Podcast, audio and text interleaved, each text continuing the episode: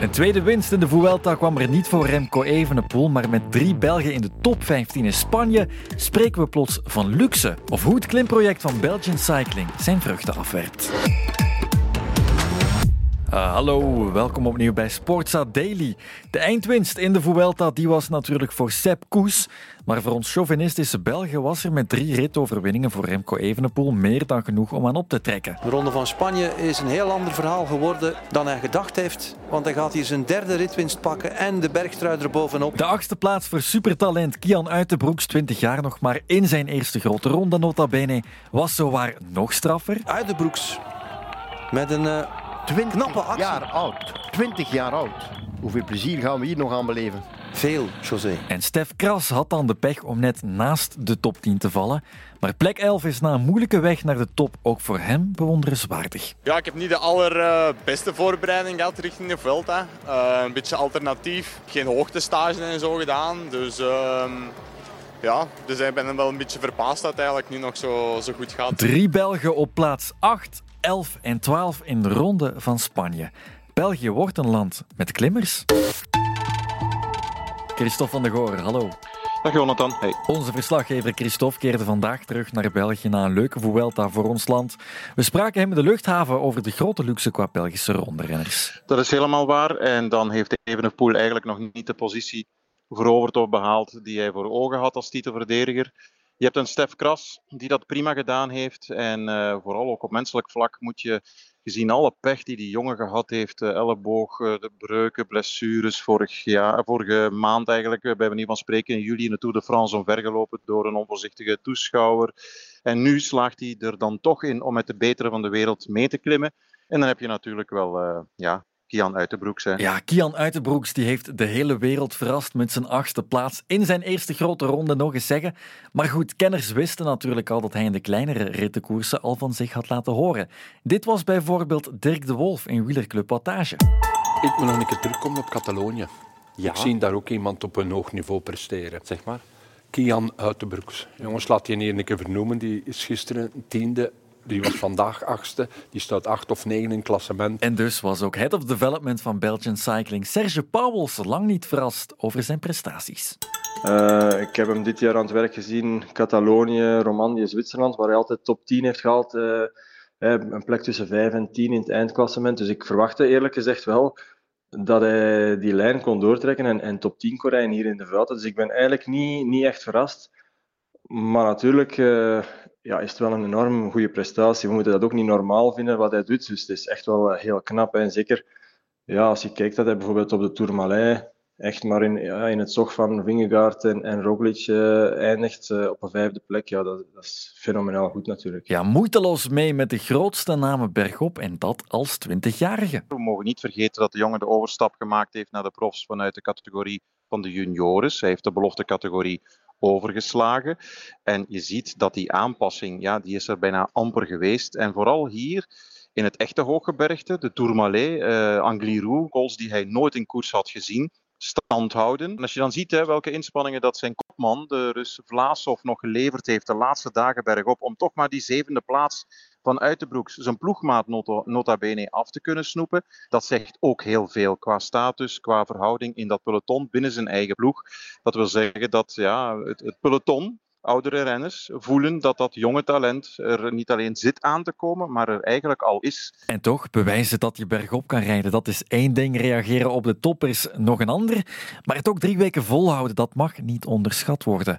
Maar, dat zegt Pauwels, Uitenbroeks plant zijn carrière als geen ander. Jan is iemand die, die heel goed weet waar hij mee bezig is en die ja, zichzelf altijd heel goede tussendoelen kan stellen en, en telkens daar heel goed naar, naartoe kan werken. En vorig jaar was dat bijvoorbeeld zo met die ronde van de toekomst. Voor hem was dat eigenlijk echt ja, zijn kleine ronde van Frankrijk, hè, waar hij mij in het begin van het jaar al voor contacteerde en waarvan hij zei, ja, ik wil daar dat als testcase gebruiken om later hè, eh, als kopman naar de Tour te gaan.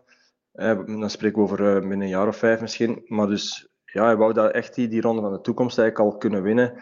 Um, als een, een, een soort generale repetitie voor, voor later kopman te worden in een grote ronde. Dus nu, de volgende stap was die Vuelta, zijn eerste grote ronde eigenlijk bij de profs. Ja, ik verwacht dat er bijvoorbeeld volgend jaar dan de, Giro of nog eens de Vuelta bijkomt. En dan misschien in 2025 de Tour. Maar hij zal stap voor stap blijven groeien, verwacht ik. En ook Christophe, die hem gisteren na drie weken straffe toeren ook nog eens uitgebreid kon spreken, kan hem goed schetsen. Wel, ik ken hem al ietsje langer, omdat we ook al een podcast met hem hebben opgenomen drie jaar geleden, toen hij eigenlijk nog uh, ja, junior was. Ja, klopt. Ik zit nog in het middelbaar, het zesde middelbaar nu. Dus uh, ja, mijn laatste jaar uh, in het middelbaar. En toen vond ik hem al echt een openbaring als mens. En hij kijkt ook uh, anders naar de dingen toe. Waarom? Omdat zijn papa en mama niet uit het koersmilieu komen. Ze hebben de vele aanbiedingen die hij kreeg als junior van Lotto, van Quickstep, noem maar op, van alle grote ploegen rustig geanalyseerd en eigenlijk met z'n drietjes in het gezin gezegd, wij gaan niet kiezen voor Quickstep, want dan krijg je automatisch de vergelijking met Remco Evenepoel. Wij gaan proberen te groeien in de, in de luwte, in de schaduw. Dan hebben ze gekozen voor de satellietploeg van Bora Hans Grohe bij labotesten hè, is gebleken dat hij een zeer hoge VO2 max heeft. Dus dat, dat is eigenlijk een teken van talent, van, van kunde. Uh, dat getal wou hij mij toen niet meedelen, omdat mensen anders gaan denken, oeh, dit is eigenlijk bijna een, een, een superman. Hè. Dus, dus, daar is hij ook al als jonge gast mee bezig van, ik probeer dat rustig aan te doen. Maar hij is zeer professioneel met zijn vak bezig. Uh, op dat vlak zegt hij ook, als ik drie uur moet trainen aan een gemiddelde van 300 wattage, dat is bijzonder veel op het vlakke, dan doe ik dat ook. Dat is dan mentaal zeer moeilijk, maar dan komt een autistisch trekje naar boven van het zal drie uur aan 300 watt zijn. En dat kenmerkt ook wel de groten. Ja, bewijs van grote ambitie. In 2025 moet het naar de Tour de France. En deze Vuelta was dan een stap daar naartoe. En een stap die goed uitgepakt heeft. Dat zei Kian uit de broek zelf. Oh ja, eh, in mijn hoofd blijf ik gewoon uh, denken zoals ik in, de, in het verleden dacht, zeg maar. En, en dat is ja, ik wil in de toekomst natuurlijk ja, proberen zo goed mogelijk te worden in dat rondewerk. En, uh, en wat mij vooral geruststelt na deze Vuelta is dat, oké, het was heel zwaar soms, maar ik ben wel drie weken redelijk constant kunnen blijven. Uh, wat wel een belangrijke was, het kon zijn dat ik na anderhalve week gewoon compleet inzakte en, en voor de rest van de Vuelta leeg was. En uh, ja, ik neem dit wel mee als vertrouwen naar de toekomst dat het dat ik echt wel kan bouwen op, op dat rondrennen en dat ik er geen schrik van moet hebben dat, dat ik drie weken nooit zou aankunnen. Dus uh, ja, uh, verwachtingen van de buitenwereld zullen uiteraard wel een beetje groter worden, maar ja, ik blijf gewoon uh, ja, proberen elke dag beter te worden en het geeft gewoon iets meer vertrouwen naar de toekomst, laat ons zo zeggen. Ja, Uiterbroeks is vooral heel sterk in zelfanalyse. Hij weet wat hij kan, hij weet waarin hij nog moet verbeteren en het is net die eerlijkheid, openheid, is een nooit aflatende vrolijkheid die hem zo doet opvallen. Serge Pauwels weet ook heel goed dat Uitenbroeks meer dan een sterke diesel alleen is. Ja, ja het, is, maar het is iemand die, zoals ik zeg, die heel goed weet waar hij mee bezig is. En hij heeft een hele, hele grote motor en, en ook nog eens een sterke kop daarop. Hè, want je ziet hem altijd lachen, dus hij, heeft, hij is super professioneel, professioneel in zijn voorbereiding. Maar tegelijkertijd heeft hij een hele goede vibe, een hele goede ja, mentaliteit om, om zijn sport uh, te benaderen. En dat helpt hem natuurlijk. Hij heeft enorm veel plezier van, van het trainen. Uh, en hij doet niet liever dan in de bergen fietsen. Uh, ja, en, en hij haalt enorm veel voldoening uit, uit zijn sport. Dus ja, dat is een hele goede combinatie en, en dat maakt hem zo sterk, denk ik. Ja, gezonde geest en een gezond lichaam, zo wil je het. De geest, de mentaliteit, daar kan je ook aan schaven. Maar om ronde talenten te ontwikkelen in ons o zo vlakke land, moet je stevig je best doen.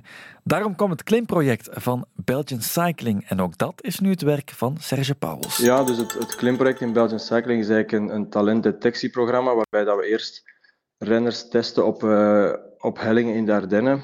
Um, en dan met de beste renners of de beste klimmers van die, van die groep die naar Ardennen is komen testen, gaan we naar de Vogezen. Daar doen ze dan een, een nieuwe test, een, langere op uh, Ballon d'Alsace. Dus dat is een, een klimtest van ongeveer uh, 20 à 25 minuten. En het leuke is dat we dan, we hebben een databank van tijden en van prestaties van ja, vroegere uh, edities of van, van vorige jaar. Dus onder meer Remco Evenepoel, Stef Kras, die jongens zijn allemaal de revue gepasseerd vorig jaar. Dus we kunnen eigenlijk vergelijken vandaag de dag wat de juniors van vandaag presteren ten opzichte van Remco Evenepoel of, of Stef Kras uh, toen zij 17, 18 jaar waren. En ja, met die jongens werken we dan verder en we zien ja, dat er ook nu vandaag uh, of dit jaar al renners zijn die, die bijvoorbeeld sneller reden dan, dan bijvoorbeeld Remco Evenepoel een jaar of vijf geleden. Dus het zegt niet alles. Hè. Het is niet alleen um, snel bergop kunnen fietsen, maar het, zegt natuurlijk wel veel. Dus ja, het zal zeker ook niet stoppen na, na Remco Evenepoel en, en Kian Uitenbroeks. Ja, dat belooft. Alles is natuurlijk ook relatief. Maar Evenepoel en Uitenbroek zijn op zichzelf ook uitstekende voorbeelden en inspiratiebronnen voor de jeugd om aan hun klim te schaven. Pauwels merkt ook een mentaliteitsverandering op bij de jeugd. Ja, is, er is een beetje mentaliteitsverandering gekomen de laatste tien jaar, vooral bij de jeugd dan. En dat zet zich nu verder in, in resultaten bij de profs. Uh, we hebben het klimproject, van Belgian Cycling, waarbij dat we talent proberen te detecteren, of klimtalent op jonge leeftijd. Maar er is ook gewoon vanuit de clubs en vanuit die renners zelf is er veel meer interesse om, ja, om, om, om, om de horizonten te verleggen en niet meer onder de kerktoren te blijven. We zien dat jonge renners al op vroege leeftijd op stage gaan. Daarbij, daarboven komt dan ook dat er ook heel veel transparantie is van, ja, vanuit de profwereld. Hè. Ze weten perfect waar dat die profs trainen. Ze kunnen dat volgen op Strava. Ze zien hoe vaak dat uh, Wout van Aert en zo uh, op hoogtestage gaan. Dus um, ja, ook dat speelt mee. Ze kopiëren dat dan. Dus ja, op, op jonge leeftijd is het al echt redelijk professioneel. En, en ja, het, zorgt er ook voor dat ze heel goed ja, weten wat dat ze moeten doen om, om, om rondrenner te worden. Dus ja, heel die mentaliteitsverandering zorgt ervoor dat we nu vandaag de dag in België meer klimmers of meer rondrenners hebben dan, uh, dan pakweg 10, 15 jaar geleden. Voilà, er is dat bewustzijn en Christophe weet ook dat er heel gedetailleerd doorgezet wordt. Plus, niet vergeten, en dat hoor ik van alle trainers, van alle juniors, de manier waarop de jonge gasten nu al trainen, met wattagemeter, alleen maar kijken naar Strava, letten op hun voeding, uh, geen excessen meer, ze gaan amper nog op stap, het is allemaal heel ernstig. Dat is wel de hoofdverklaring waarom die jonge kerels zo snel de aansluiting kunnen vinden bij de profs. Alleen is dan weer de vraag, kunnen zij dat mentaal aan in een lange carrière? Hè? Je moet die jonge gasten ook wel leren dat ze af en toe de riem eraf moeten laten uh, dat er meer is in het leven dan alleen maar een wattagemeter. En wanneer ik dat dan weer vraag aan Uitenbroek, dan zegt hij: Ja, maar het geeft mij een houvast. Ik kan eigenlijk niet zonder. Wij, jonge kerels in, in een wereld van informatica, mathematica, wij zijn daarmee opgegroeid. En dat is eigenlijk helemaal niet erg om dagelijks naar die cijfers te kijken. Het geeft ons een houvast. En zo zie je dat dat voor ons ouderen, of van, van, van, van ook voor trainers, want Serge Pauwels zegt dat ook, um, dat dat eigenlijk voor ja, de jonge generatie helemaal geen probleem hoeft te zijn. En um, ja, er zit alleen maar moois aan te komen, dat is waar. Met de wattagemeter bij de hand, daardoor komt het talent ook sneller bovendrijven en de prestaties laten ook niet op zich wachten. Christophe had het al over een kleine aanpassingsperiode en Serge Pauwels staat hem bij. Het wordt wel voorspelbaarder in de zin dat ja, als ze nu vandaag de dag bij de juniores heel goed presteren en, en mooie dingen laten zien, ja, dat je wel bijna zeker kan zeggen dat ze dat ook bij de profs uh, gaan doen. Uh, net omdat het zo professioneel, uh, er al zo professioneel aan toe gaat bij de jeugdcategorieën en omdat ze al zo um, intensief met hun sport bezig zijn op jonge leeftijd. Dus ja, ook nu, als we, we, hebben, we hebben bijvoorbeeld goede renners um, of goede klimmers, zoals een Jarno Widaar bij, bij de juniores. Ook daarvan mogen we misschien wel verwachten dat die binnen drie, vier jaar alleen gelijkaardige dingen gaan doen. Uh, laat ons hopen. Ja. Kan België op die manier ook opnieuw een klimland worden? Oh, uh, pas op, dat is, nog, dat is nog heel vroeg om dat te zeggen. Ik, uh, ik zal al heel blij zijn als we binnen een aantal jaren kunnen zeggen, en misschien wel vanaf volgend, of volgend jaar of binnen twee jaar, dat we met een Belg naar de Ronde van Frankrijk gaan met, idee om, of met de hoop om, om, om hem op het eindpodium in, in, in Parijs te hebben. Uh, en wie weet is dat binnen een paar jaar wel met twee Belgen, met Kian Uitenbroeks en met uh, Remco Evenepoel. Dat zou, dat zou helemaal geweldig zijn. Laten we hopen dat zo de, ja, de, de bal aan het rollen gaat en, en voor die volgende generaties dat we, dat we terug vertrokken zijn, zoals ja, laten we zeggen jaren 70, waar we eigenlijk wel uh, in het rondewerk als Belgenlandje ja, volop meededen. Veelbelovend is het wel. Kian Uitenbroeks lijkt de exponent van de nieuwe Belgische klimschool en vormt samen met Remco Evenepoel het grote voorbeeld voor de Belgische wielerjeugd met steile ambities. Een Belgische toerwinnaar is niet langer een onmogelijke droom en misschien kunnen we al dromen van nog meer. Morgen dromen we alvast verder in een nieuwe aflevering van Sportsa Daily.